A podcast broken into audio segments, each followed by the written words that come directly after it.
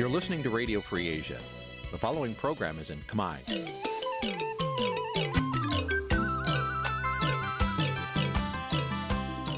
នេះជាកម្មវិធីផ្សាយ Vuthu Azizi Serai នេះជាកម្មវិធីផ្សាយរបស់ Vuthu Azizi Serai ជាភាសាខ្មែរ Vuthu Azizi Serai សូមស្វាគមន៍លោកអ្នកនាងទាំងអស់ពីរដ្ឋធានី Washington នៃសហរដ្ឋអាមេរិក។ ចាប់ពីរដ្ឋធានី Washington នាងខ្ញុំម៉ៅសុធានីសូមជម្រាបសួរលោកអ្នកស្ដាប់ទាំងអស់ជាទីមេត្រី ចាយើងខ្ញុំសូមជូនការផ្សាយសម្រាប់ព្រឹកថ្ងៃសៅរ៍ពីកើតខែស្រាប ឆ្នាំខាលចត្វាស័កពុទ្ធសករាជ2566ហើយដល់ត្រូវនៅថ្ងៃទី30ខែកក្កដាគ្រិស្តសករាជ2022ជាដំបូងនេះសូមអញ្ជើញលោកអ្នកនាងកញ្ញាស្ដាប់ព័ត៌មានប្រចាំថ្ងៃដែលមានមេត្តាដូចតទៅ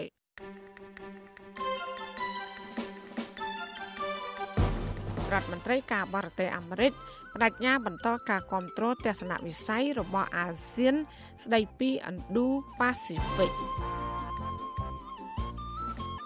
រដ្ឋមន្ត្រីក្រសួងយុតិធធប្រកាសជួបពិភាក្សាចំពោះអ្នកប្រឆាំងនឹងការធ្វើវិសោធនកម្មរដ្ឋធម្មនុញ្ញមន្ត្រីសង្គមស៊ីវិលបារម្ភពីបញ្ហាគ្រឿងញៀនដែលកំពុងបំពុលសង្គម ប្រវត្តិសកម្មជនប្រៃឡង់ម្នាក់នៅខេត្តស្ទឹងត្រែងដែលបដិញ្ញាបន្តការពារប្រៃឈើចារួមនឹងព័ត៌មានសំខាន់សំខាន់មួយចំនួនទៀតជាបន្តទៅទៀតនេះនាងខ្ញុំម៉ៅសុធានីសូមជូនព័ត៌មានទាំងនោះពឺស្ដាប់ លោកនាយកជាទីមេត្រីរដ្ឋមន្ត្រីការបរទេសអាមេរិកលោក Anthony Blinken ក្រុងធ្វើទស្សនកិច្ចនៅប្រទេសកម្ពុជា ចាប់ពីថ្ងៃទី3ដល់ថ្ងៃទី5ខែសីហាដើម្បីចូលរួមកិច្ចប្រជុំកម្ពុជារដ្ឋមន្ត្រីការបរទេសអាស៊ានអាមេរិកនិងកិច្ចប្រជុំកម្ពុជារដ្ឋមន្ត្រីការបរទេសអាស៊ីបូព៌ាព្រមទាំងចូលរួមក្នុងវេទិកាតំបន់អាស៊ាន។ សេចក្តីប្រកាសព័ត៌មានរបស់ក្រសួងការបរទេសអាមេរិកកាលពីថ្ងៃទី29ខែកក្កដាឲ្យដឹងថា ក្នុងកិច្ចប្រជុំនីមួយៗលោក Anthony Blinken នឹងលើកឡើងពីការបដិញ្ញាចិត្តរបស់សហរដ្ឋអាមេរិកចំពោះជំហររបស់ខ្លួនគ្រប់គ្រងសមាគមអាស៊ាននឹងការអនុវត្តប្រកបដោយជោគជ័យលើទស្សនវិស័យរបស់អាស៊ាន ស្ដីពី Indo-Pacific ប្រមុខការទូតជាន់ខ្ពស់អាមេរិករូបនេះក៏នឹងលើកឡើងពីបញ្ហារាលដាលនៃជំងឺ Covid-19 កិច្ចសហប្រតិបត្តិការលើវិស័យសេដ្ឋកិច្ចវិធានការប្រយុទ្ធប្រឆាំងការប្រែប្រួលអាកាសធាតុវិបត្តិនៅប្រទេសមីយ៉ាន់ម៉ាឬភូមាព្រមទាំងសង្គ្រាមរវាងរុស្ស៊ីនិងប្រទេសអ៊ុយក្រែន។ ប្រពន្ធដដែលបន្តថាលោករដ្ឋមន្ត្រីការបរទេស Anthony Blinken នឹងជួបពិភាក្សាទ្វេភាគីជាមួយរដ្ឋមន្ត្រីការបរទេសកម្ពុជាលោកប្រាក់សុខុនដើម្បីជជែកពីការគ្រប់គ្រងរបស់អាមេរិកសម្រាប់កិច្ចប្រឹងប្រែងរបស់សមាគមអាស៊ាន និងពង្រឹងទំនាក់ទំនងរវាងកម្ពុជានិងអាមេរិកបន្ថែមពីនេះលោកនឹងចូលរួមពិភាក្សាជាមួយនឹងគម្រោងផ្ដួចផ្ដើមភាពជាអ្នកដឹកនាំរបស់ក្រុមនិស្សិតវ័យក្មេងអាស៊ានផងដែរ។ ក្រៅតែពីដំណើរទស្សនកិច្ចនៅប្រទេសកម្ពុជាលោករដ្ឋមន្ត្រីការបរទេសអាមេរិក Blinken នឹងធ្វើដំណើរទស្សនកិច្ចនៅប្រទេសហ្វីលីពីនអាហ្វ្រិកខាងត្បូងសាធារណរដ្ឋប្រជាធិបតេយ្យកុងហ្គោនិងប្រទេសរ៉ូវ៉ាន់ដាចាប់ពីថ្ងៃទី5ដល់ថ្ងៃទី12ខែសីហា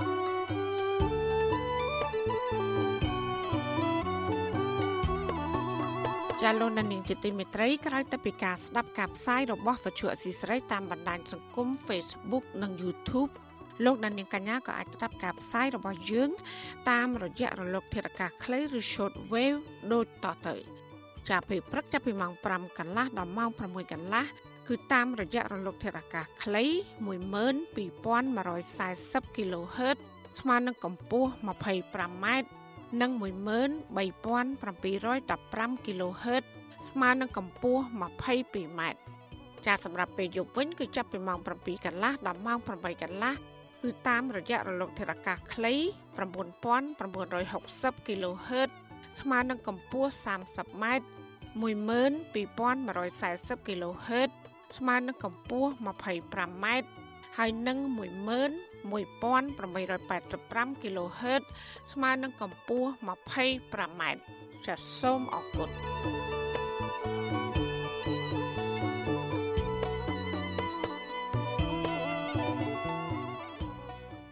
លោកដានៀងជាទីមេត្រីក្រសួងយុតិធធអញ្ជើញគណៈបណ្ឌនយោបាយនិងមន្ត្រីអង្គការសង្គមស៊ីវិលដែលរិះគន់ការធ្វើវិសោធនកម្មរដ្ឋធម្មនុញ្ញលើកទី10ឲ្យមកទទួលយកការពន្យល់និងការបកស្រាយបំភ្លឺដោយផ្ទាល់បន្ថែមទៀតជាពិសេសគឺដើម្បីជំរះចោលនៅក្តីកង្វល់ ក្រសួងឲ្យដឹងថាជំនួបនេះនឹងធ្វើឡើងនៅទីស្តីការក្រសួងយុតិធធនៅរសៀលថ្ងៃទី2ខែសីហាដល់ថ្ងៃទី4ខែសីហាខាងមុខឬក៏អាស្រ័យទៅតាមដំណើរនិងពេលវេលា របស់គណៈបញ្ញយោបាយនិងអង្គការសង្គមស៊ីវិលដែលចង់ចូលរួមក្រសួងបន្តថាគណៈបញ្ញយោបាយនិងមន្ត្រីសង្គមស៊ីវិលដែលមានបំណងជួបក្រសួងយុតិធធតាមការអញ្ជើញនេះ សូមតាក់ទងឲ្យបានមុនថ្ងៃជួបមួយថ្ងៃ ដើម្បីចុះឈ្មោះនិងកំណត់ការបរិច្ឆេទ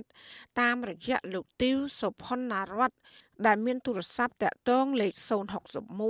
499 964និងកញ្ញាឈួនមរកតលេខទូរស័ព្ទ070 840 585 វិទ្យុអសីស្រីនៅពុំតាន់អាចតកតងសំការឆ្លើយតបពីតំណាងគណៈបកនយោបាយនិងមន្ត្រីអង្គការសង្គមស៊ីវិលដើម្បីសុំការបកស្រាយជុំវិញការអញ្ជើញរបស់រដ្ឋមន្ត្រីក្រសួងយុទ្ធភ័ណ្ឌនេះបាននៅឡើយទេកាលពីថ្ងៃទី29ខែកក្កដា ទោះយ៉ាងណាគណៈបញ្ញយោបាយនិងអង្គការសង្គមស៊ីវិលដូចជាក្រមប្រឹក្សាខ្លមមើលកម្ពុជាជាដើមបានលើកហេតុផលជាច្រើន ថាការកែរដ្ឋធម្មនុញ្ញលើកទី10នេះมันបានបំរើផលប្រយោជន៍ប្រជាពលរដ្ឋឡើយគ្រាន់តែតម្រូវទៅតាមការចង់បាន របស់ក្រមមេដឹកនាំគណៈបកកាន់អំណាចតែប៉ុណ្ណោះ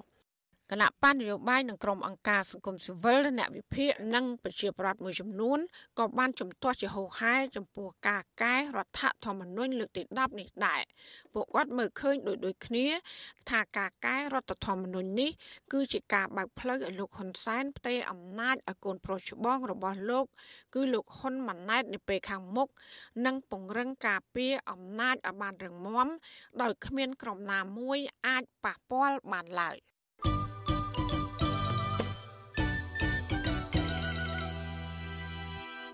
ចាលោកនាងជាទីមេត្រីពាក់ព័ន្ធនឹងការកែប្រែសេចក្តីព្រាងច្បាប់ធ្វើវិសោធនកម្មរដ្ឋធម្មនុញ្ញនេះដែរប្រជាប្រដ្ឋមួយចំនួនមិនពេញចិត្តទង្វើរបស់រដ្ឋាភិបាលដែលបានអនុម័តទាំងស្រុង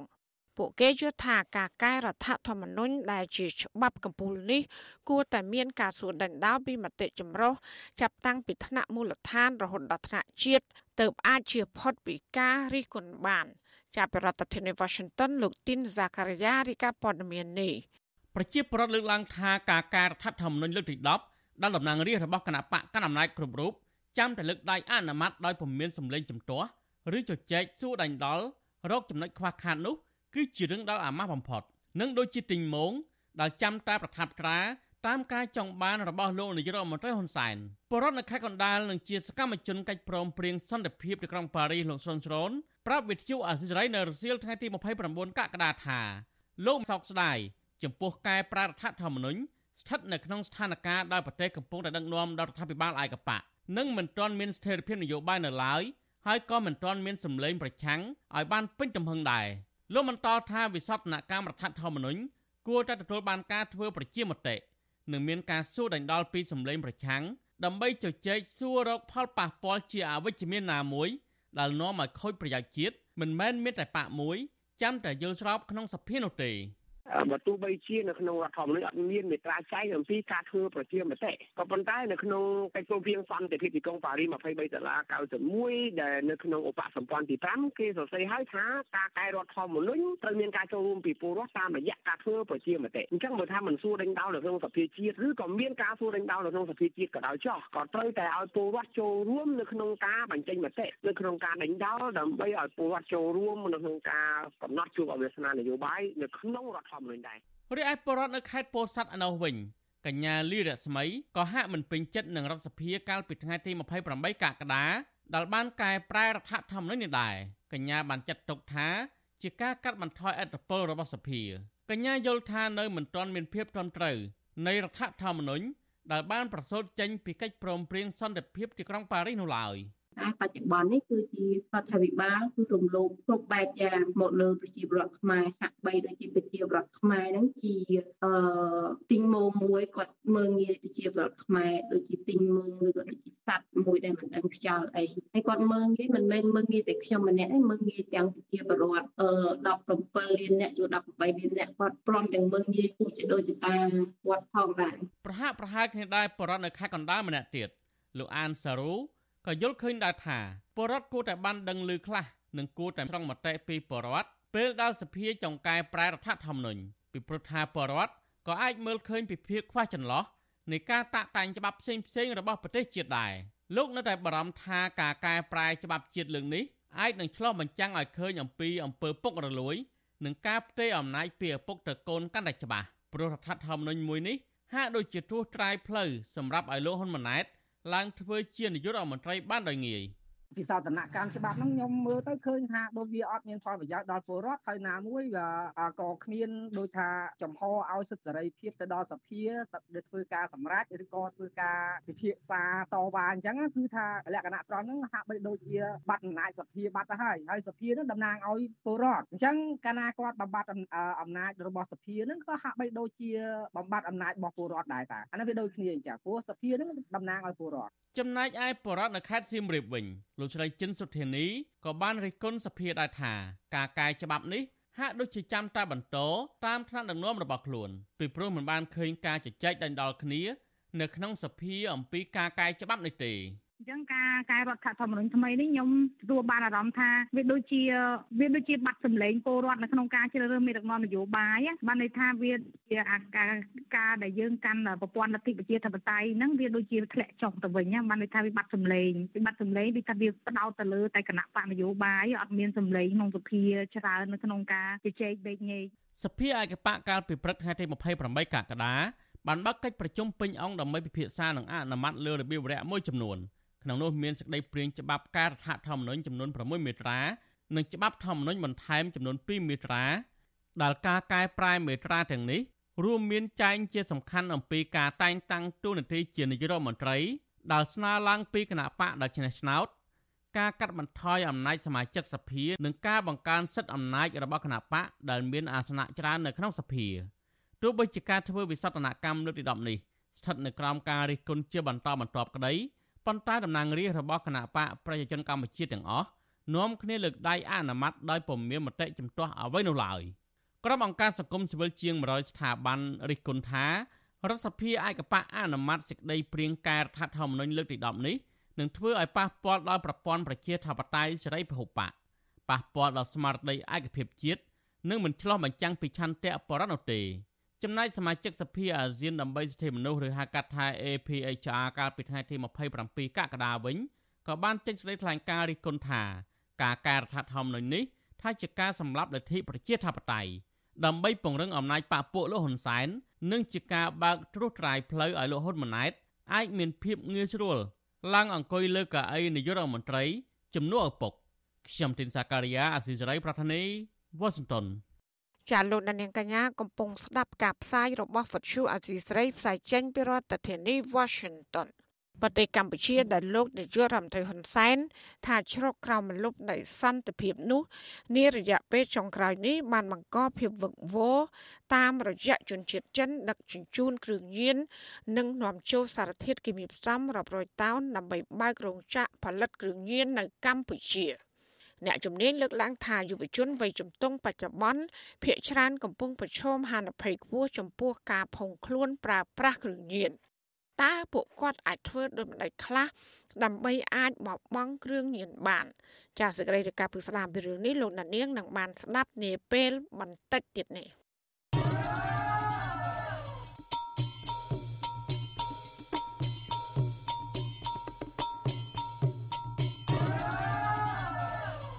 ចាលោកនានីជាទីមេត្រីក្រសួងរ៉ែនិងធម្មពលអះអាងថាក្រុមហ៊ុនកាណាដាមួយឈ្មោះ Innochem កំពុងសិក្សាពីលទ្ធភាពនៃការវិនិយោគបូមប្រេងពីប្លុក A របស់កម្ពុជា ក្រោយពីការវិនិយោគបរាជ័យរបស់ក្រុមហ៊ុន Chris Energy ដែលមានមូលដ្ឋាននៅប្រទេសសង្ហបុរី អគ្គនាយកនៃអគ្គនាយកដ្ឋានប្រេងកាតរបស់ក្រសួងរ៉ែនិងធម្មពលលោកជៀបសួរថ្លែងប្រាប់ក្រុមអ្នកសារព័ត៌មានក្នុងអំឡុងសន្និសីទស្ដីពីប្រេងនិងអូស្មန်កាលពីថ្ងៃទី27ខែកក្កដាថាក្រសួងបានជជែកគ្នាជាមួយភាគីក្រុមហ៊ុន អំពីការវិនិយោគដ៏មានសក្តានុពលនេះ លោកបញ្ជាក់ថាក្រុមហ៊ុនត្រូវការពេលវេលាដើម្បីសិក្សាដោយយកចិត្តទុកដាក់និងវិភាគទិន្នន័យពាក់ព័ន្ធមុននឹងធ្វើការសម្រេចចិត្តដើម្បីជៀសវាងបញ្ហាដោយក្រុមហ៊ុន Chris Energy លោកជៀបសួរអះអាងទៀតថាចាប់តាំងពីតម្លៃប្រេងហក់ឡើងខ្ពស់ក្រុមហ៊ុនមកពីប្រទេសមួយចំនួន ដូចជាកាណាដាចិនថៃនិងអូស្ត្រាលីជាដើម បានតាក់ទងមករដ្ឋាភិបាល ដើម្បីពិនិត្យមើលអំពីសក្តានុពលរបស់កម្ពុជា សម្រាប់ការរុករកប្រេងទាំងនៅលើដីគោកនិងនៅក្នុងសមុទ្រ ក្រុមហ៊ុន Chris Energy បានបញ្ឈប់ដំណើរការបូមប្រេងទាំងស្រុង នៅអណ្ដូងអប្សរានៃប្លុក A និងបានប្រកាសខ្សែធនកាលពីខែមិថុនាឆ្នាំ2021ក្រុមហ៊ុនបញ្ជាក់ថាមូលហេតុចម្បងមួយក្នុងចំណោមមូលហេតុជាច្រើនទៀតគឺដោយសារការធ្លាក់ចុះកម្រិតប្រេងដែលរកឃើញនៅក្នុងអណ្ដូងអប្សរានោះបញ្ហាបូមប្រេងហាក់បានជាคล้ายរឿងអាម៉ាស់សម្រាប់លោកនាយករដ្ឋមន្ត្រីហ៊ុនសែននិងរដ្ឋាភិបាលរបស់លោក រឿងអាម៉ាស់នោះគឺនៅត្រង់ថាលោកហ៊ុនសែន បានប្រកាសក្តែងក្តែងជាច្រើនឆ្នាំមកហើយ ថាកម្ពុជានឹងក្លាយជាប្រទេសផលិតប្រេងដោយខ្លួនឯងក្រោយពីបានរកឃើញរ៉ែប្រេងកាត នៅក្នុងដែនសមុទ្រខ្មែរហើយមានក្រុមហ៊ុនបរទេសជាច្រើនចង់វិនិយោគធ្ងន់ធ្ងរជាងនេះទៀតនោះ គឺប្រេងដែលក្រុមហ៊ុន Cree Energy បូមបានចំនួនជិត3សែនធុងឬបារ៉ែលនោះបែរជាត្រូវបានគេលួចដឹកចេញពីកម្ពុជាយកទៅបាត់ អ្វីដែលរដ្ឋាភិបាលលោកហ៊ុនសែនមាននៅក្នុងដៃនៅពេលនេះ គឺដំណក់ប្រេងមួយកែវដែលរដ្ឋមន្ត្រីការពារជាតិលោកទាបាញ់ធ្វើពិធីដង្ហែយ៉ាងហឹកហាក់យកទៅដាក់នៅវិមានឈ្នះឈ្នះកាលពីខែមិថុនាឆ្នាំ2021ខណៈដែលប្រេងឆៅជិត3សែនធុងដែលមានតម្លៃលើសពី20លានដុល្លារអាមេរិកនោះរដ្ឋាភិបាលនៅមិនទាន់បានទៀមទាយកមកវិញបាននៅឡើយទេ ហើយដំណឹងអំពីការវិវត្តនៃសំណុំរឿងនេះក៏ស្ងប់ស្ងាត់បាត់ឈឹងនោះដែរ thank you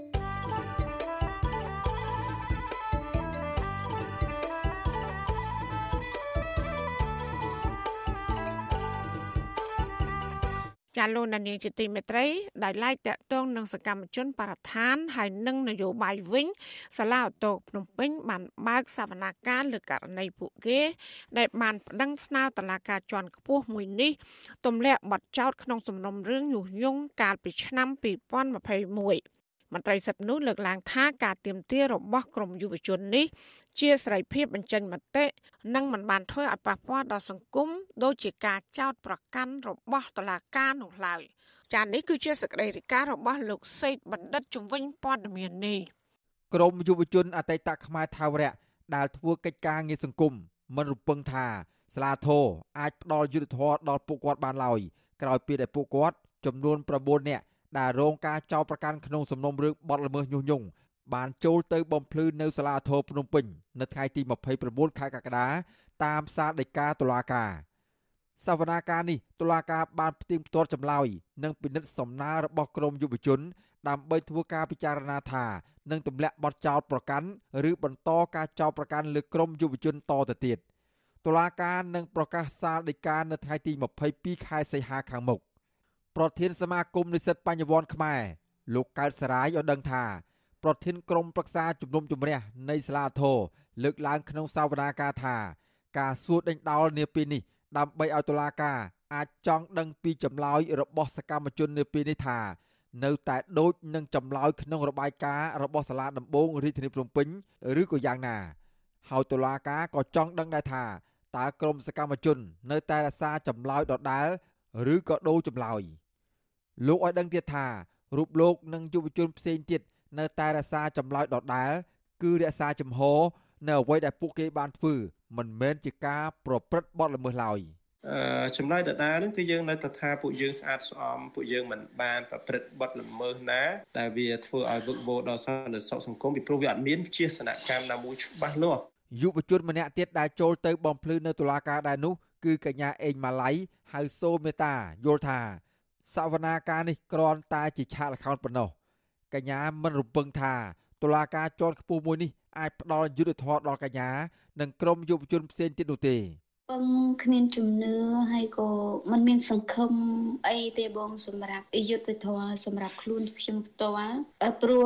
ជាលខោនដែលគេបានរៀបចំពីកន្លងមករហូតមកដល់បច្ចុប្បន្នអញ្ចឹងខ្ញុំមិនមានជំនឿទេខ្ញុំដឹងតែខ្លួនឯងចៅក្រមសាលាដំបងរាជធានីភ្នំពេញលោកទឹកសុធីបូរ៉ាឆាត កាលពីខែតុលាឆ្នាំ2021 បានផ្ដន់ទាទោសកម្មជនសរុប14នាក់ឲ្យជាប់ពន្ធនាគារពី20ខែទៅ2ឆ្នាំពីបទញុះញង់បង្កឲ្យមានភាពវឹកវរដល់សន្តិសុខសង្គមក្នុងនោះមានយុវជនក្រមខ្មែរថាវរៈយុវជនសមាគមនិស្សិតបញ្ញវន្តខ្មែរនិងសកម្មជនគណៈបកសង្គ្រោះជាតិផងដែរប៉ុន្តែចៅក្រមរូបនេះបានតម្រូវឲ្យសកម្មជនទាំងនេះជាប់ពន្ធនាគារ14ខែទៅ15ខែហើយទោសនៅសល់ត្រូវព្យួរ តុលាការក៏បានដាក់ឲ្យពួកគាត់ស្ថិតនៅក្រោមការត្រួតពិនិត្យរបស់តុលាការរយៈពេល2ឆ្នាំទៀតតុលាការបានចោទប្រកាន់បែបនេះព្រោះពួកគាត់បាននាំគ្នាទៅទាមទារនៅខាងមុខតុលាការក្រុងភ្នំពេញឲ្យដោះលែងអ្នកការពារសិទ្ធិកម្មករនិងជាអ្នកឃ្លាំមើលបញ្ហាព្រំដែនគឺលោករងឈុនទោះយ៉ាងណាកាលពីចុងឆ្នាំ2021តុលាការបានដោះលែងអ្នកទាំងនោះឲ្យនៅក្រៅឃុំបណ្ដោះអាសន្នមេធាវីការពារក្តីឲ្យក្រមយុវជន លោកសំចម្រើន លើកឡើងថាការសម្រេចក្តីរបស់សាលាដំបងរាជធានីភ្នំពេញកន្លងទៅធ្វើឲ្យប៉ះពាល់ដល់សិទ្ធិសេរីភាពកូនក្តីរបស់លោកយ៉ាងធ្ងន់ធ្ងរខ្ញុំមិនមានវិបត្តិនេះក៏ខ្ញុំសង្ឃឹមក៏មានសង្ឃឹមប៉ុណ្ណឹងទេណាបាទយុទ្ធធម៌មានដល់សំខាន់សម្រាប់គាត់ខ្លាំងអ្នកឃ្លាំមើលតុលាការសង្កេតឃើញថាការចោទប្រកាន់របស់តុលាការក្រុងភ្នំពេញលើសកម្មជនសង្គមនិងសកម្មជននយោបាយគឺមានលក្ខណៈខុសគ្នាពីសកម្មជនរបស់ពួកគេ នាយកទទួលបន្ទុកកិច្ចការទូតនៃអង្គការលីកាដូលោកអំសំអាត សង្កេតឃើញថាការទៀមទីរបស់ក្រមយុវជន ជាសិទ្ធិសេរីភាពនៃការសម្ដែងមតិដែលមានចែងនៅក្នុងច្បាប់ លោកបន្តថាទោះបីជាតុលាការចោទប្រកាន់ក្រមសកម្មជនថា បង្កឲ្យមានភាពវឹកវរដល់សន្តិសុខសង្គមក្តីប៉ុន្តែករណីជាក់ស្ដែង ការសម្ដែងមតិនោះមិនប៉ះពាល់សង្គមដោយការចោទប្រកាន់របស់តុលាការនោះទេ ការកាត់ទោសកន្លងមកនៅសាលាដំបងរាជធានីភ្នំពេញហ្នឹងគឺមានការរិះគន់ជាច្រើនខ្ញុំយល់ឃើញថាដើម្បីកុំឲ្យមានការរិះគន់បន្តទៅទៀតទៅលើករណីនេះយើងនៅតែសង្ឃឹមថាសាលាតនឹងបដិសេធនៅសារក្រមរបស់សាលាដំបងហើយនឹងទម្លាក់បទចោទប្រកាន់របស់ទៅលើយុវជនទាំងអស់ហ្នឹងឲ្យមានសេរីភាពពេញលេញវិញក្រមយុវជនរំពឹងថាប្រសិនបើសាលាធរសម្រេចក្តីដោយយុត្តិធម៌តុលាការជាន់ខ្ពស់មួយនេះ និងទម្លាក់ចោលការចោទប្រកាន់លើពួកគេ ដើម្បីឲ្យពួកគេ មានសេរីភាពពេញលេញនៅក្នុងការជួយកិច្ចការសង្គមបន្តទៀតខ្ញុំបាទសេកបណ្ឌិតវិទ្យុអាស៊ីសេរីពីរដ្ឋធានីវ៉ាស៊ីនតោន ចាលោកនាយកជាទីមេត្រីតឡាការកំពូលកាលពីថ្ងៃទី29ខែកក្កដាម្សិលមិញបានរក្សាសេចក្តីសម្រេចរបស់សាលាតោភ្នំពេញលើករណីសកម្មជនចលនាមេដាធម្មជាតិ3នាក់ក្រោមបទចោទញុះញង់ទុកជាបានការដដែលសកម្មជនមេដាធម្មជាតិសោកស្ដាយចំពោះការសម្រេចរបស់តុលាការកំពូលនេះដោយពួកគេចាត់ទុកថាគឺជារឿងអយុត្តិធម៌ ចំណែកឯមន្ត្រីសង្គមស៊ីវិលវិញក៏ខកចិត្តចំពោះការសម្រេចរបស់តុលាការកំពូលនេះដែរហើយថាការលះបង់របស់យុវជនចលនាមេដាធម្មជាតិនេះ គួរតែត្រូវបានលើកទឹកចិត្តដើម្បីឲ្យយុវជនដទៃទៀតយកគំរូតាមចាលោកយ៉ងច័ន្ទរារាយការណ៍អំពីបញ្ហានេះប្រធានក្រុមប្រឹក្សាជំនុំជម្រះតុលាការកំពូលចៅក្រមនិលនុន បានប្រកាសរក្សាសេចក្តីសម្រេចរបស់សាឡាវធរភ្នំពេញពីបទចោទញុះញង់ទៅលើសកម្មជនចលនាមេដាធម្មជាតិ3នាក់គឺកញ្ញាភួនកែវរស្មីកញ្ញាឡុងគុន្ធា និងលោកថនរដ្ឋាទុកជាបានការដដែល សមាជិកចលនាមេដាធម្មជាតិកញ្ញាភួនកែវរស្មីសោកស្ដាយនិងចាត់ទុកសេចក្តីសម្រេចនេះថាជារឿងអយុត្តិធម៌កញ្ញាបន្តថាការសម្រេចរបស់តុលាការកំពូលនេះ គឺធ្វើឡើងនៅក្នុងគោលបំណងបំបាក់ស្មារតីយុវជនចលនាមេដាធម្មជាតិនិងជាការគំរាមដល់យុវជនសកម្មដទៃទៀតឲ្យមានភាពភ័យខ្លាចមិនហ៊ានចូលរួមតវ៉ាបញ្ហាបរិស្ថានក្នុងប្រទេសកម្ពុជាទោះជាយ៉ាងណាកញ្ញានៅតែបង្ហាញគោលជំហររឹងមាំដើម្បីបន្តការងារការពារបរិស្ថាន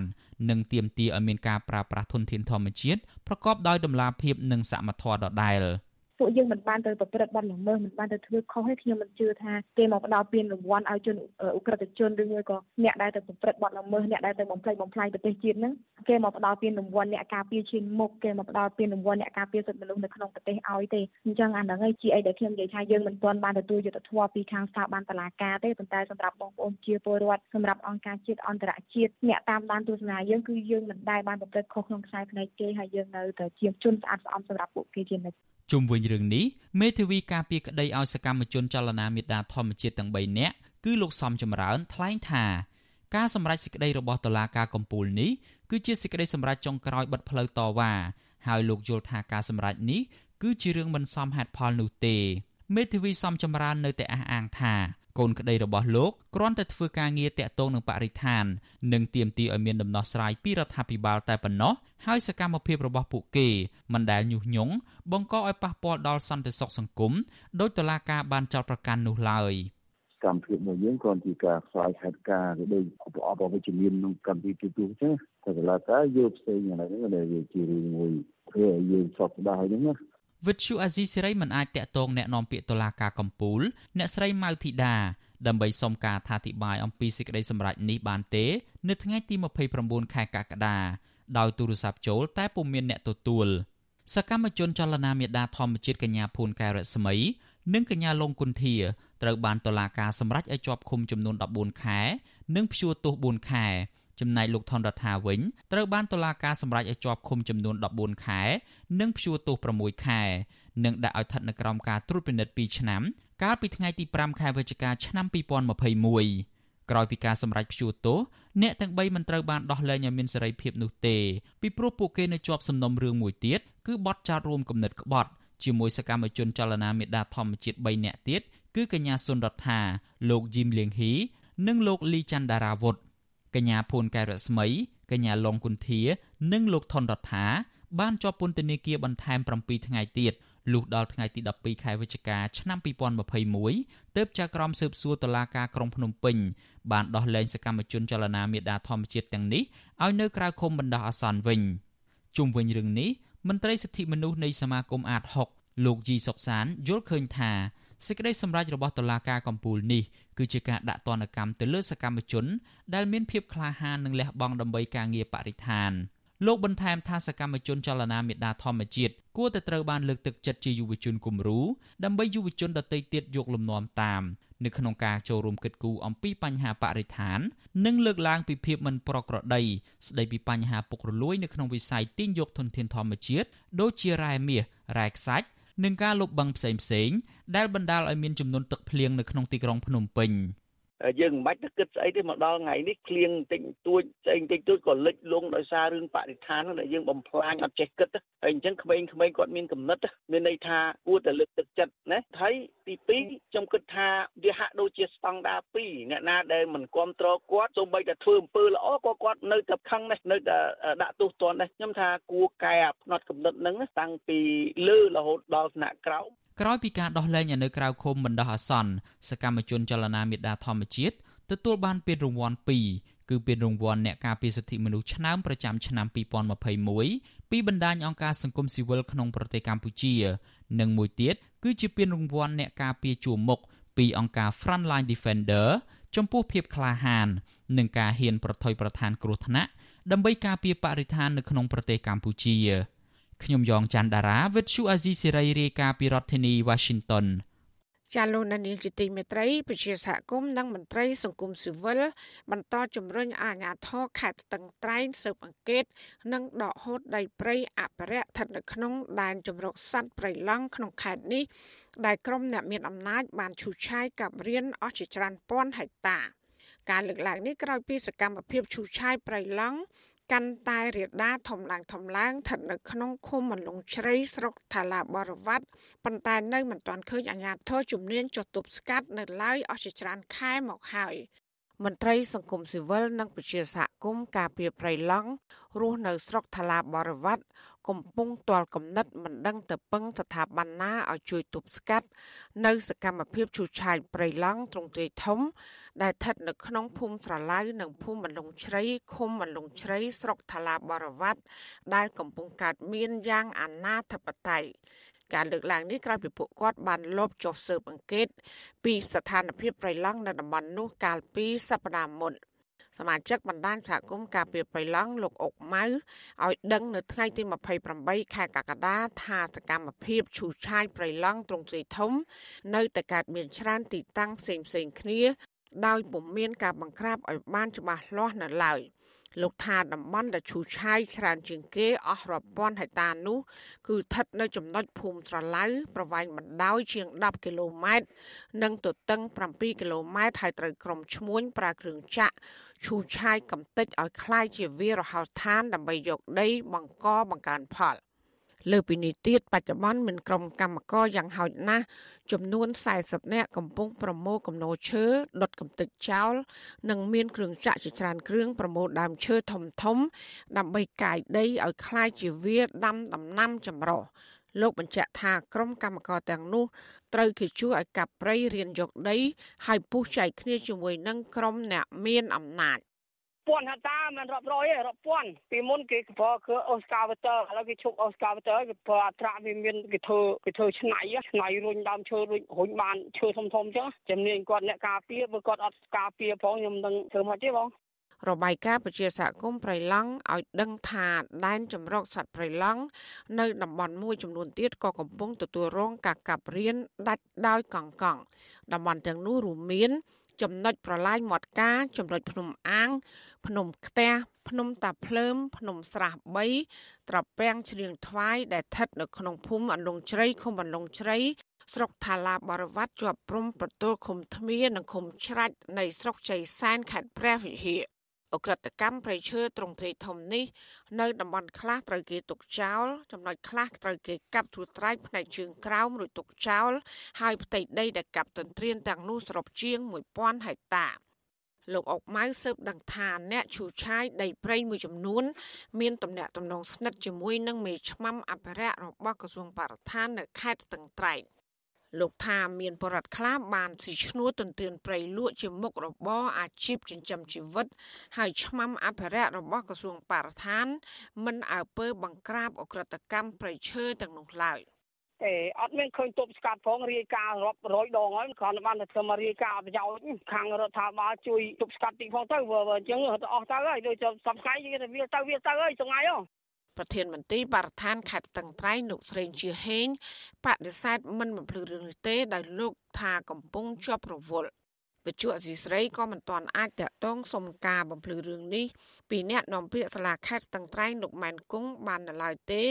នៅថ្ងៃទី28ខែកក្កដាដោយទូរស័ព្ទហៅចូលច្រើនដង តែគ្មានអ្នកទទួល។ មន្ត្រីសម្រាប់ស្រួលគម្រោងនៃសមាគមបណ្ដាញយុវជនកម្ពុជា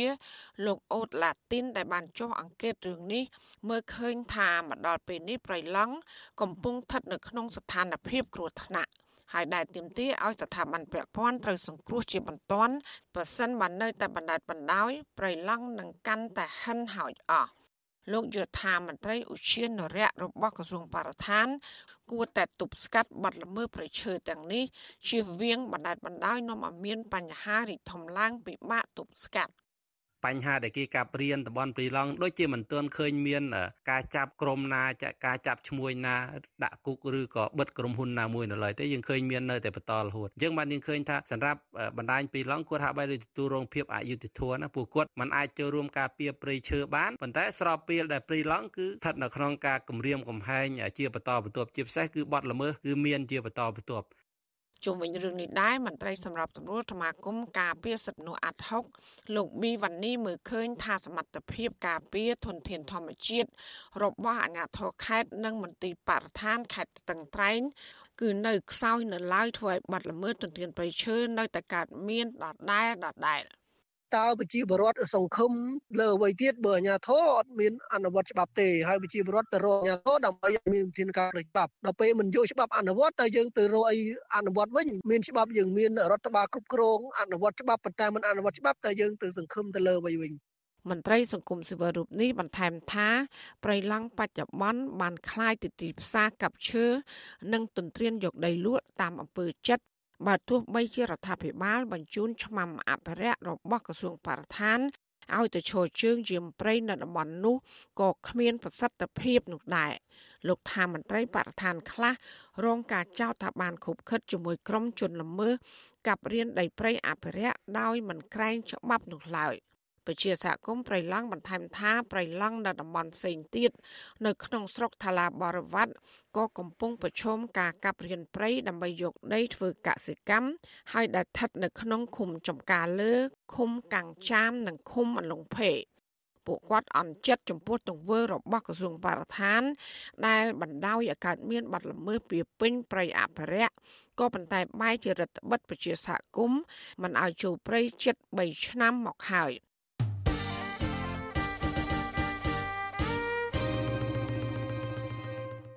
ចាលោកនាងកញ្ញាកំពុងស្ដាប់ការផ្សាយរបស់វិទ្យុអាស៊ីស្រីផ្សាយចេញពីរដ្ឋធានី Washington ក្រុមស្នូបណ្ដាញសហគមន៍ការពារប្រៃឡង់នៅខេត្តស្ទឹងត្រែងម្នាក់គឺលោកគង្រីបដញ្ញា បន្តការងារការពារប្រៃឈើបើទោះបីជារងការគំរាមកំហែងការធ្វើទុកបុកម្នេញពីសំណាក់អាជ្ញាធរនិងឆ្មាំអភិរក្សរបស់ក្រសួងបរិស្ថានក៏ដោយសកម្មជនប្រៃឡង់រូបនេះក៏បានអំពាវនាវឲ្យប្រជាប្រដ្ឋគ្រប់រូប ចូលរួមការពារនិងតាមដានដោយយកចិត្តទុកដាក់ពីស្ថានភាពប្រៃឡង់ដែលកំពុងប្រឈមការកាប់បំផ្លាញនិងការបរបាញ់សត្វយ៉ាងពេញទំហឹងចាសសេចក្តីរាយការណ៍ពីស្ដាមពីរឿងនេះលោកដានៀងក៏នឹងបានស្ដាប់នាពេលបន្តិចទៀតនេះចាសសូមអរគុណ thank you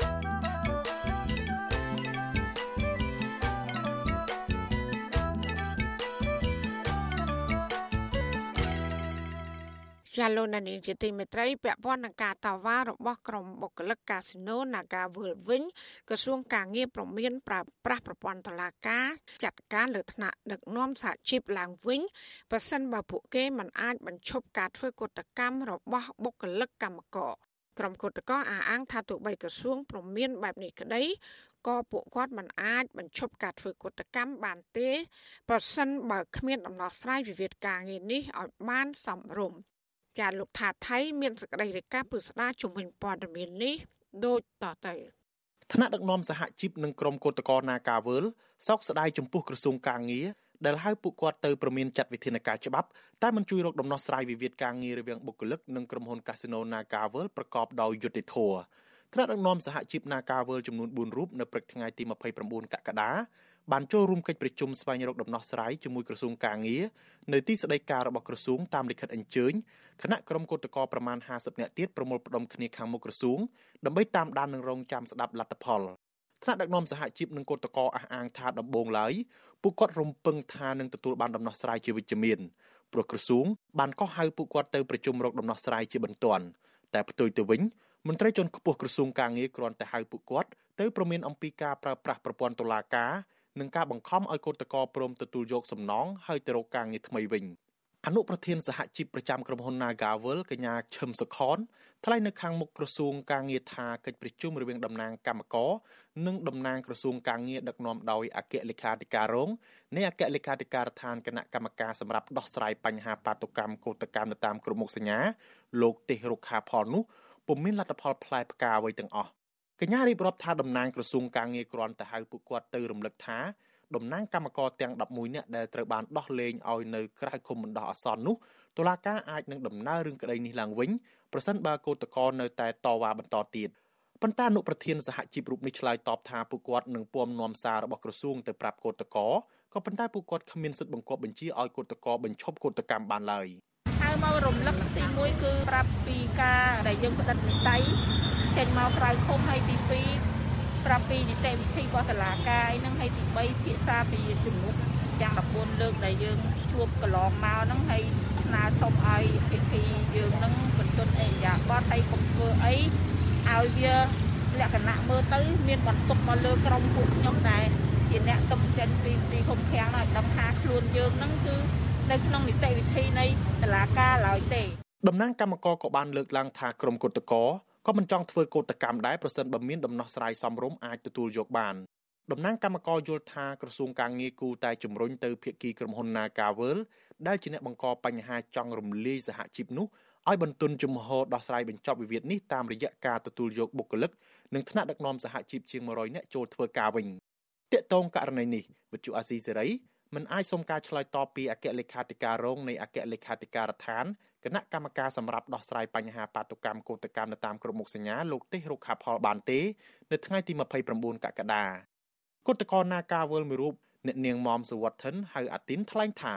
ជារឿងហួសចិត្តដែលក្រសួងការងារហៅតំណាងរបស់ពួកគាត់ទៅប្រមានពីការប្រើប្រាស់ប្រព័ន្ធតុលាការបែបនេះអ្នកនាងបន្តថាប្រសិនបើគ្មានដំណោះស្រាយសមរម្យទេពួកគាត់គ្មានជំរឿអ្វីក្រៅពីការបន្តធ្វើកោតកម្មឡើយពីដំបូងឡើយបើយើងចេះយកកញ្ចប់លុយដើម្បីបញ្ចប់រឿងហ្នឹងយើងយកបាត់ទៅហើយមិនមិនមិនដល់ថ្នាក់តំណាងត្រូវជាប់គុកហើយពួកខ្ញុំត្រូវគេវាយរាល់ពេលចេញកោតកម្មអញ្ចឹងទេដោយសារអាសិទ្ធិសេរីភាពហ្នឹងអាសិទ្ធិសេរីភាពសហជីពហ្នឹងអាក្រុមហ៊ុនវារើសអើងត្រង់ហ្នឹងដល់អញ្ចឹងបើឲ្យពួកខ្ញុំបោះបង់ប្រៀបដូចជាបោះបង់សិទ្ធិខ្លួនឯងអញ្ចឹងអញ្ចឹងយើងអត់ចង់បានអាការដោះស្រាយបែបហ្នឹងទេសូមឲ្យអ្នកដែលក៏ហៅទៅនេះដូចជាក្រសួងការងារហៅទៅដើម្បីតែរំលឹកថារឿងជាប់ទោសជាប់ទោសហ្នឹងឲ្យចង់អត់មានហៅទៅដើម្បីរកដំណោះស្រាយច្រកចេញមួយណាសមស្របឲ្យភាគីខាងកតកនេះទទួលយកបានហើយខាងក្រុមហ៊ុននឹងទទួលយកបានមានន័យថាឈ្នះឈ្នះទាំងអស់គ្នាអត់ទេឬក៏គាត់អសមត្ថភាពក្នុងការដោះស្រាយ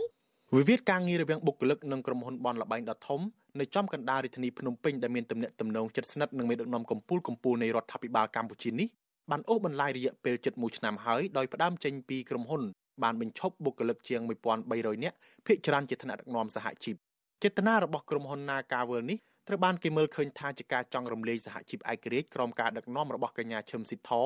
ដែលចេញមុខការពារសិទ្ធិនិងទាមទារអត្ថប្រយោជន៍ផ្សេងផ្សេងជាពិសេសប្រាក់ឈ្នួលសមរម្យជូនកម្មករវិវាទការងារនេះឈានដល់ការចាប់ខ្លួនថ្នាក់ដឹកនាំនិងសកម្មជនសហជីព11នាក់ដាក់ពន្ធនាគារជាបន្តបន្ទាប់កាលពីដើមឆ្នាំ2022ដោយចោទពីបទញុះញង់និងល្មើសច្បាប់ COVID-19 នៅពេលពួកគេប្រើប្រាស់សិទ្ធិស្របច្បាប់ធ្វើកោតកម្មអហិង្សាទាមទារដំណោះស្រាយ ក្រោយមានការរិះគន់ធ្ងន់ធ្ងរពីសហគមន៍ជាតិនិងអន្តរជាតិតុលាការសម្រេចដោះលែងអ្នកទាំង11នាក់ឲ្យនៅក្រៅឃុំបណ្ដោះអាសន្ននៅពាក់កណ្ដាលខែមិនិនាកន្លងទៅប៉ុន្តែត្រូវសន្យាមិនចូលរួមដឹកនាំការតវ៉ានិងប្រាប់ឲ្យកូតកោរក្សាភាពស្ងៀមស្ងាត់ដើម្បីជួបចរចារកដំណោះស្រាយទោះជាយ៉ាងណាការជួបចរចា14លើកកន្លងមកនៅតែគ្មានលទ្ធផលវិជ្ជមានដោយសារក្រសួងការងារនិងក្រុមហ៊ុនតែងបង្ខំឲ្យបុគ្គលិកទូទាត់ប្រាក់ឈ្នួលហើយរកការងារថ្មី អ្នកគ្រប់គ្រងកម្មវិធីការងារនៃមជ្ឈមណ្ឌលសម្ព័ន្ធភាពការងារនិងសិទ្ធិមនុស្សហៅកាត់ថាសង្ត្រាល់លោកខុនថារ៉ូមានប្រសាសន៍ថាក្រសួងការងារគូតែខិតខំដោះស្រាយតាមច្បាប់ឬរកជំរឿសថ្មីសមរម្យសម្រាប់ភាគីទាំងសងខាងដោយមិនគូប្រើវិធីគម្រាមកំហែងថ្នាក់ដឹកនាំសហជីពដោយប្រយោលនោះទេ ដែលវិវាទនេះនៅតែមានការអូបន្លាយមកដល់ពេលបច្ចុប្បន្ននេះគឺឆន្ទៈនៅក្នុងការដោះស្រាយហើយនឹងជំរើសដើម្បីឲ្យមានការទទួលយកភាគីពាក់ព័ន្ធហើយជំរើសហ្នឹងគឺគួរតែជំរើសដែលខាងក្រសួងហ្នឹងគួរតែមានការដើរតួនាទីសម្របសម្រួលអាហ្នឹងជាជាងតែប្រើប្រាស់នៅវិធានការនៃការគម្រាមវិធានការនៅក្នុងការយកជំរើសតឡាការពីព្រោះអីវិវាទការងារយើងដឹងហើយថាការដោះស្រាយវិវាទការងារនេះគឺការចេញមកពីការសម្បទានគ្នាហើយក្របខ័ណ្ឌផ្លូវច្បាប់ យើងត្រូវដោះស្រាយនៅក្នុងកម្រិតសម្បទានផ្នែកក្របខ័ណ្ឌផ្លូវច្បាប់កុំឲ្យប៉ះពាល់ប្រយោជន៍សិទ្ធិភាគីណាមួយជាដាច់ខាតត្រូវតែទទួលយកទាំងសងខាងជាង7ខែមកនេះការតស៊ូធ្វើកោតកម្មអហិង្សារបស់កោតក្រ Nagawal នៅជាប់របងរដ្ឋសភានិងក្បែរភូមិគ្រឹះរបស់លោកនាយករដ្ឋមន្ត្រីហ៊ុនសែននោះមិនត្រឹមតែគ្មានដំណោះស្រាយទេថែមទាំងទទួលរងការបង្ក្រាបដោយហិង្សាជាបន្តបន្ទាប់រហូតបណ្ដាលឲ្យកោតក្រមួយចំនួនជាស្ត្រីរងរបួសធ្ងន់ធ្ងរនិងស្ត្រីកោតក្រម្នាក់រលូតកូនក្នុងផ្ទៃទាំងភៀកគីក្រុមហ៊ុន ទាំងលោកហ៊ុនសែននិងតំណាងរាស្ត្ររបស់គណៈបកកណ្ដាលអំណាចបានធ្វើមិនដឹងមិនលឺចំពោះសម្រេចរបស់ក្រុមកោតតកនិងថែមទាំងបង្កើនការលៀបពួរការគម្រាមកំហែងនិងការបញ្ជាឲ្យកងកម្លាំងបង្ក្រាបកោតតកកាន់តែខ្លាំងថែមទៀតទោះជាយ៉ាងណាក្រុមកោតតកនៅតែមិនបោះបង់ចោលការតស៊ូរបស់ពួកគាត់ឡើយប្រសិនបើគ្មានដំណោះស្រាយសមរម្យខ្ញុំថាថៃពីទីក្រុងមែលប៊ន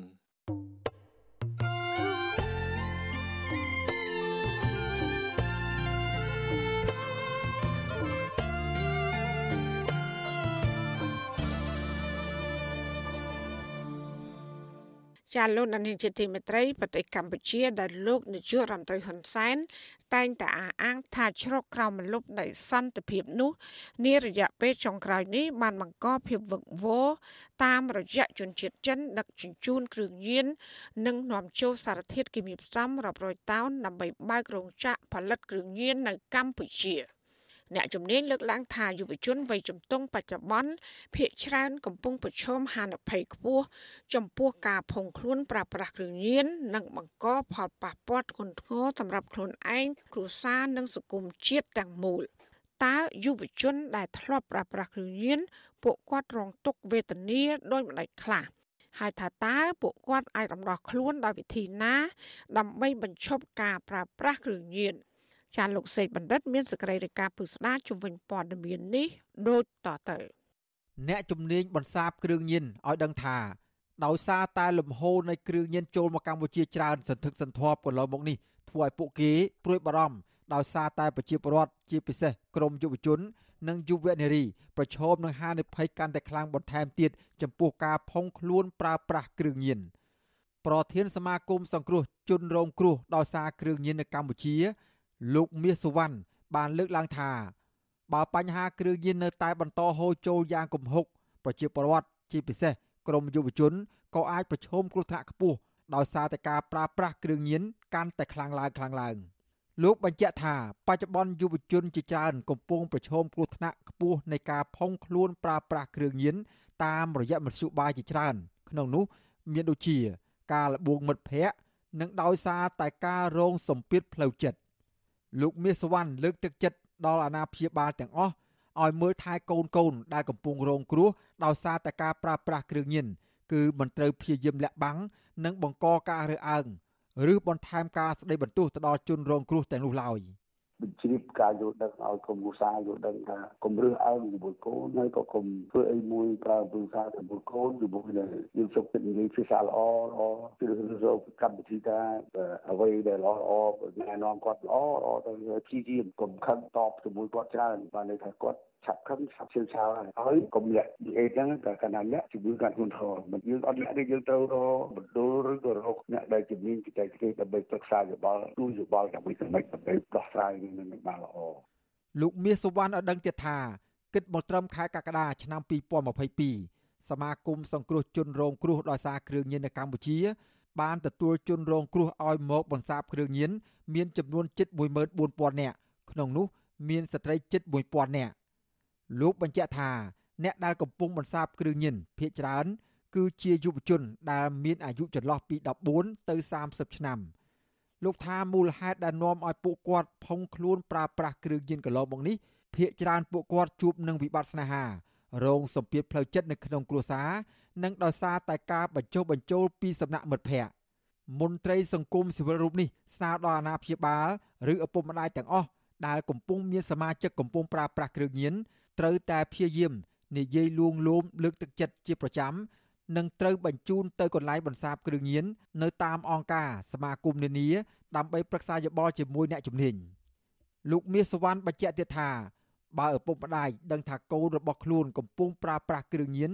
ហើយបន្តស្ដីបន្ទោសគំរាមកំហែងពួកគាត់ទៀតនោះនឹងធ្វើឲ្យអ្នកដែលកំពុងប្រើប្រាស់គ្រឿងញៀនកាន់តែរងសម្ពាធដែលនាំឲ្យពួកគាត់ ប្រតិកម្មតបតដោយបញ្ចេញនូវសកម្មភាពហិង្សាលើឪពុកម្ដាយនិងអាចនាំឲ្យពួកគាត់កាន់តែលំបាកចិត្តរហូតដល់សម្លាប់ខ្លួនឯង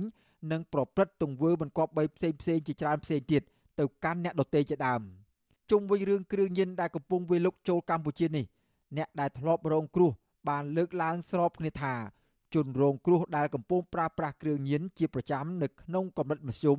អាចមានអារម្មណ៍តានតឹងស្មុគស្មាញនិងបញ្ចេញអារម្មណ៍ខឹងមួម៉ៅជាប្រចាំរហូតអាចធ្វើឲ្យពួកគាត់បាត់បង់ភាពម្ចាស់ការលើខ្លួនឯងដែលនាំឲ្យជនរងគ្រោះឈានទៅដល់ការវង្វេងវង្វាន់បាត់បង់សតិស្មារតីជាដើមអ្នកធ្លាប់ប្រើប្រាស់គ្រឿងញៀនមួយរូបគឺលោកគៀយ៉ត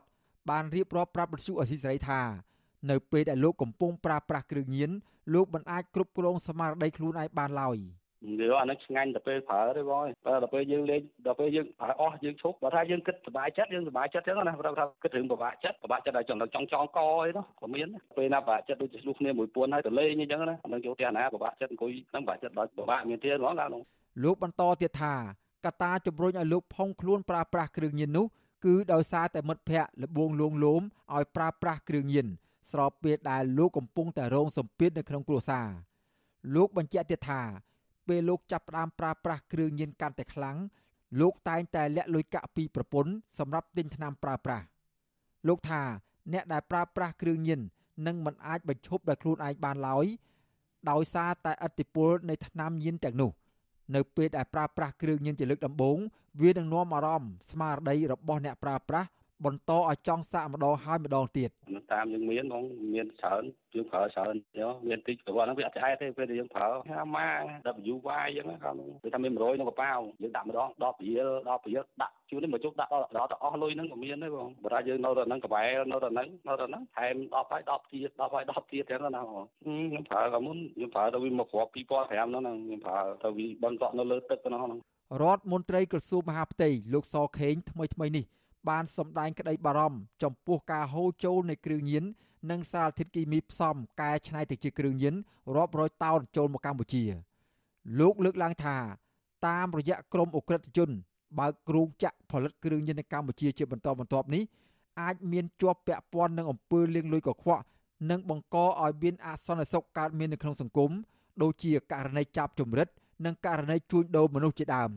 លោកសខេងក៏ធ្លាប់បានលើកឡើងពីបញ្ហាប្រឈមនៃភាពចង្អៀតណែននៅក្នុងពន្ធនាគារដោយសារតែអ្នកជាប់ឃុំស្ទើរតែពាក់កណ្ដាលសុទ្ធសឹងតែពាក់ព័ន្ធនឹងបញ្ហាគ្រឿងញៀនលោកថាក្នុងចំណោមអ្នកជាប់ឃុំនៅក្នុងពន្ធនាគារចំនួន38000នាក់ក្នុងនោះមានជាង20000នាក់ឬស្មើនឹងជាង45%គឺជាប់ពាក់ព័ន្ធនឹងករណីជួញដូរនិងប្រើប្រាស់គ្រឿងញៀនខ្ញុំបាទសេកបណ្ឌិតវិទ្យុអាស៊ីសេរីពីរដ្ឋធានីវ៉ាស៊ីនតោន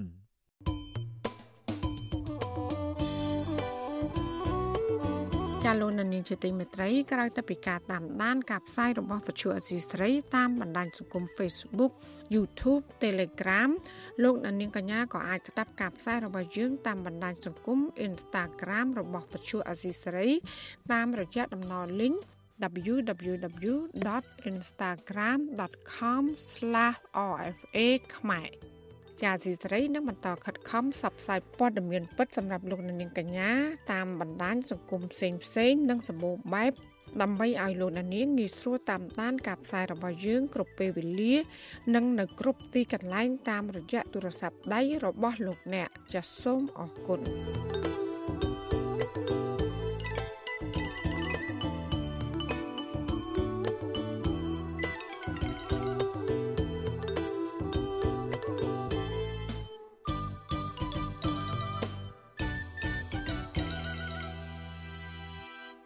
លោកដានៀងជាទីមេត្រីបណ្ដាញសហគមន៍ការពីប្រៃឡង់នៅខេត្តស្ទឹងត្រែង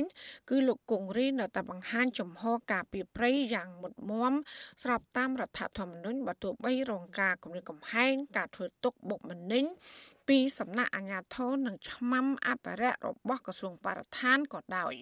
សហគមន៍ប្រៃឡង់រូបនេះអំពាវនាវឲ្យប្រជាពលរដ្ឋគ្រប់មជ្ឈដ្ឋានចូលរួមការពារនិងតាមដានដោយយកចិត្តទុកដាក់ ពីស្ថានភាពប្រៃឡង់ដែលកំពុងប្រឈមការកាប់បំផ្លាញនិងបរបាញ់សត្វយ៉ាងពេញទំហឹង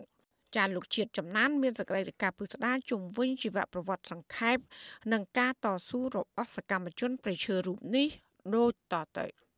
ក្រុមស្នូបណ្ដាញប្រៃឡង់ខេត្តស្ទឹងត្រែងម្នាក់គឺលោកគង្រីអះអាងថាលោកនឹងមិនដកថយឡើយចំពោះសកម្មភាពការពារប្រៃឈើបើទោះបីជាក្រសួងបរិស្ថានរដ្ឋបិទនឹងគម្រាមកំហែងប្រជាសហគមន៍ មិនឲ្យចុះល្បាតព្រៃបែបណាក្តីសកម្មជនព្រៃឡង់រូបនេះបានលះបង់ពេលវេលា ធនធានផ្ទាល់ខ្លួននិងអាយុជីវិត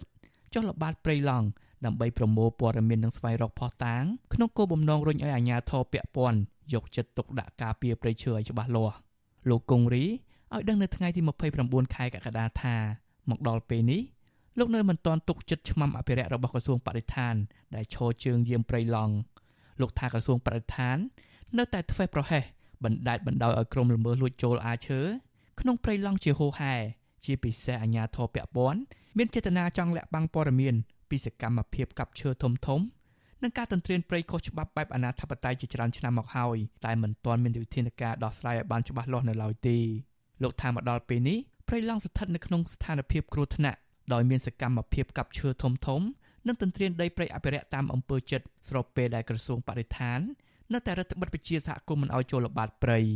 ល្បាតម្ដងម្ដងយើងមានជួបឧបសគ្គទីមួយយើងមានការខ្វះខាតប្រេងហើយទីពីរយើងដោយសារខ្វះថ្នាំសង្កូវយើងទៅដេកមួយយប់ពីរយប់អីយើងទៅហើយទី3គឺយើងខ្លាចមន្ត្រីបកឋានគាត់ជួបគាត់ដេញចាប់យើងចឹងទៅគាត់យកយើងដាក់គុកអីចឹងទៅដោយគ្មានការអនុញ្ញាតជនល្មើសដូចកន្លងមកយើងដើរបានជួបជនល្មើសកំពុងការកាប់ទន្ទ្រានអីចឹងទៅយើងបានសួរពួកគាត់អីចឹងពួកគាត់ថា គាត់សុំមន្ត្រីបរិស្ថានហើយឥឡូវបច្ចុប្បន្នគឺមានការកាប់ទន្ទ្រានរឹតតែខ្លាំងឡើងបាទបុរសវ័យ62ឆ្នាំសម្បុរខ្មៅស្រអែមរូបនេះមានទីលំនៅបច្ចុប្បន្ននៅក្នុងឃុំកាំងចាមស្រុកថ្លាបរិវត្តខេត្តស្ទឹងត្រែងទល់មុខទន្លេមេគង្គលោកមានកូន4នាក់ប្រុស1ស្រី3មានផ្ទះឈើទំហំ6ម៉ែត្រកន្លះគុណនឹង7ម៉ែត្រកន្លះប្រក់សង្កសីជញ្ជាំងធ្លុះធ្លាយហើយលោកមានរបរធ្វើស្រែចម្ការ នៅលើដី1ហិកតា និងដងជ័រតាក់លក់ក្នុងតំបន់ព្រៃឡង់ ដើម្បីរកប្រាក់ផ្គត់ផ្គង់ជីវភាពលោកមានដើមច្បាស់ជាប់ទឹកក្នុងព្រៃឡង់ជាង1000ដើមប៉ុន្តែត្រូវគេលួចកាប់អស់ជាង50នៅក្នុងអំឡុងឆ្នាំ2020និងឆ្នាំ2021កន្លងទៅលោកគង្រីចាត់ទុកដើមច្បាស់ជាប់ទឹកជាប្រភពចំណូលដល់គ្រួសាររបស់លោកហើយវាអាចរកប្រាក់ចំណូលបានមួយខែចាប់ពី40ម៉ឺនរៀលដល់50ម៉ឺនរៀលលោកថាកាលពីឆ្នាំ2016លោកបានបង់រំលោះម៉ូតូមួយគ្រឿងដែលមានតម្លៃ1000ដុល្លារដើម្បីចុះល្បាតព្រៃនិងរកអនុផលព្រៃឈើ តែទម្រាំសងប្រាក់ធនាគារដាច់ម៉ូតូរបស់លោក បានខូចខាតអស់ទាំងស្រុងដោយសារតែចូលព្រៃឡង់លំបាកខ្លាំងប្រដដែលបន្ថែមថាសកម្មភាពចុះល្បាតព្រៃរបស់លោកកំពុងស្ថិតក្នុងភាពតានតឹងជាមួយនឹងមន្ត្រីឧទ្យានុរក្សរបស់ក្រសួងបរិស្ថាន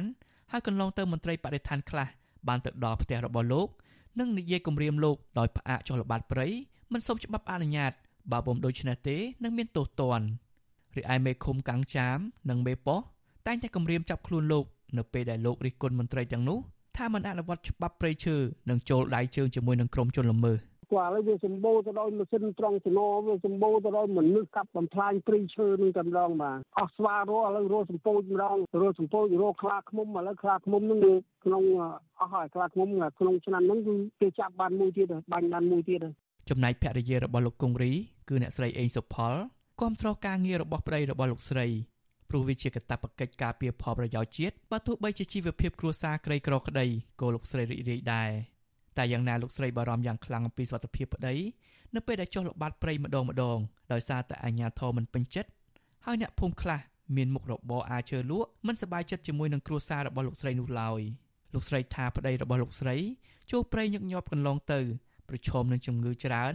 ព្រោះការរស់នៅក្នុងព្រៃដោយបរិភោគទឹកអូរញឹកញាប់ និងទទួលទានរុក្ខជាតិព្រៃជំនួសបាយលោកស្រីសង្កេតឃើញថារយៈពេល3ខែចុងក្រោយនេះសុខភាពប្តីរបស់លោកស្រីទ្រុឌទ្រោមខ្លាំងដោយគាត់កាត់ជំងឺមហារីកក្រពះសាច់ដុះបំពង់កនិងថ្លើម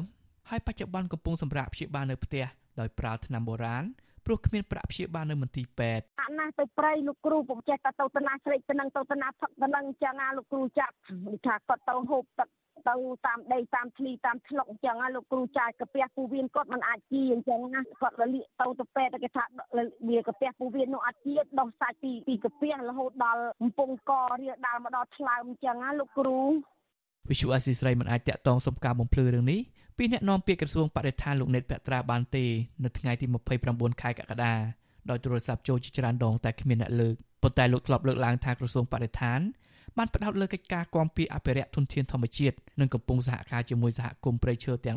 19នៅជុំវិញព្រៃឡង់ដើម្បីទប់ស្កាត់និងបង្ក្រាបបទល្មើសធនធានធម្មជាតិគ្រប់ប្រភេទជាមួយរឿងនេះសកម្មជនការពារបរិស្ថានលោកសាន់ម៉ាឡា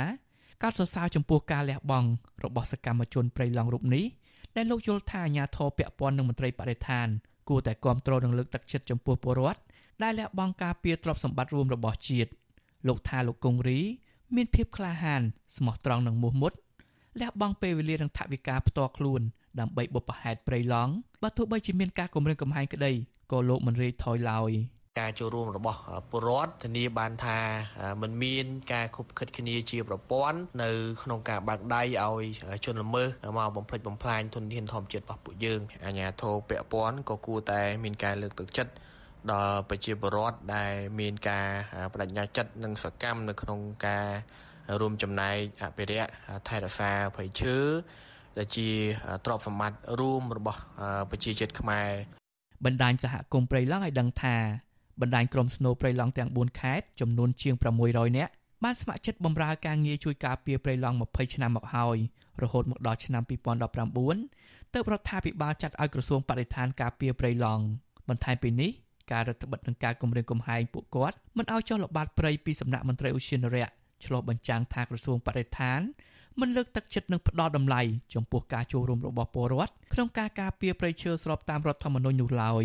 ខ្ញុំបាទជាចំណាន Visual Assisray ពីរដ្ឋធានី Washington